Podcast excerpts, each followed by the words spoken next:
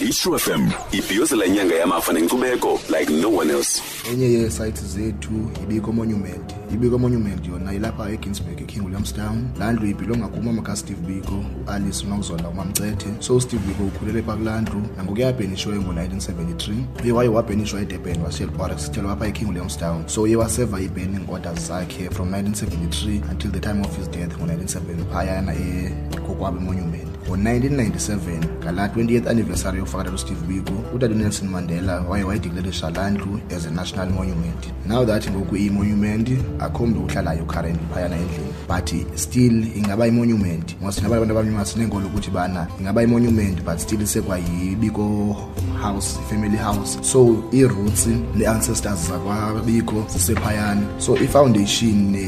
ne-family yaba ne-agreement that i-foundation izathatha i-custody yaland for 11 months then kwinyanga kadisemba sinike ifamily izithixo so that umntu if umntu ofuna ukwenza lo msebenzi mhlawumbi ufuna utshata okanye ufuna ukwenza ntoni uyakwazi ukuyenzela phayana emonument but loo nto ayibavali ukuthi bana apha enyakeni mhlawumbi umntu ofuna ukwenza into kanakwazi uyenza laa ndlu yona ngaphakathi ine-small photographic exhibition ifokase kwi-family life yakhe akho nto ingakuncakasana about yena and ifurniture pha ngaphakathi ayiyo eyayiphayana ngoku steve kwayesahlala phayana ngoba ifamily zange yazi ukuthi banalantu ngenyimini yawuze ibe imonument and also xa sisenza ithozi siye sithi xa sibuya emangcwabeni siye phayana emonument xa sifika phayana siye sifike sivase izandla njengokuba sinenkolemo sikwaxhosa ukuthi bana after uvizithe ingcwaba funeke uvase zandle so nee-tourist zethu noba zaseamerica noba zezaphi siye sizihambise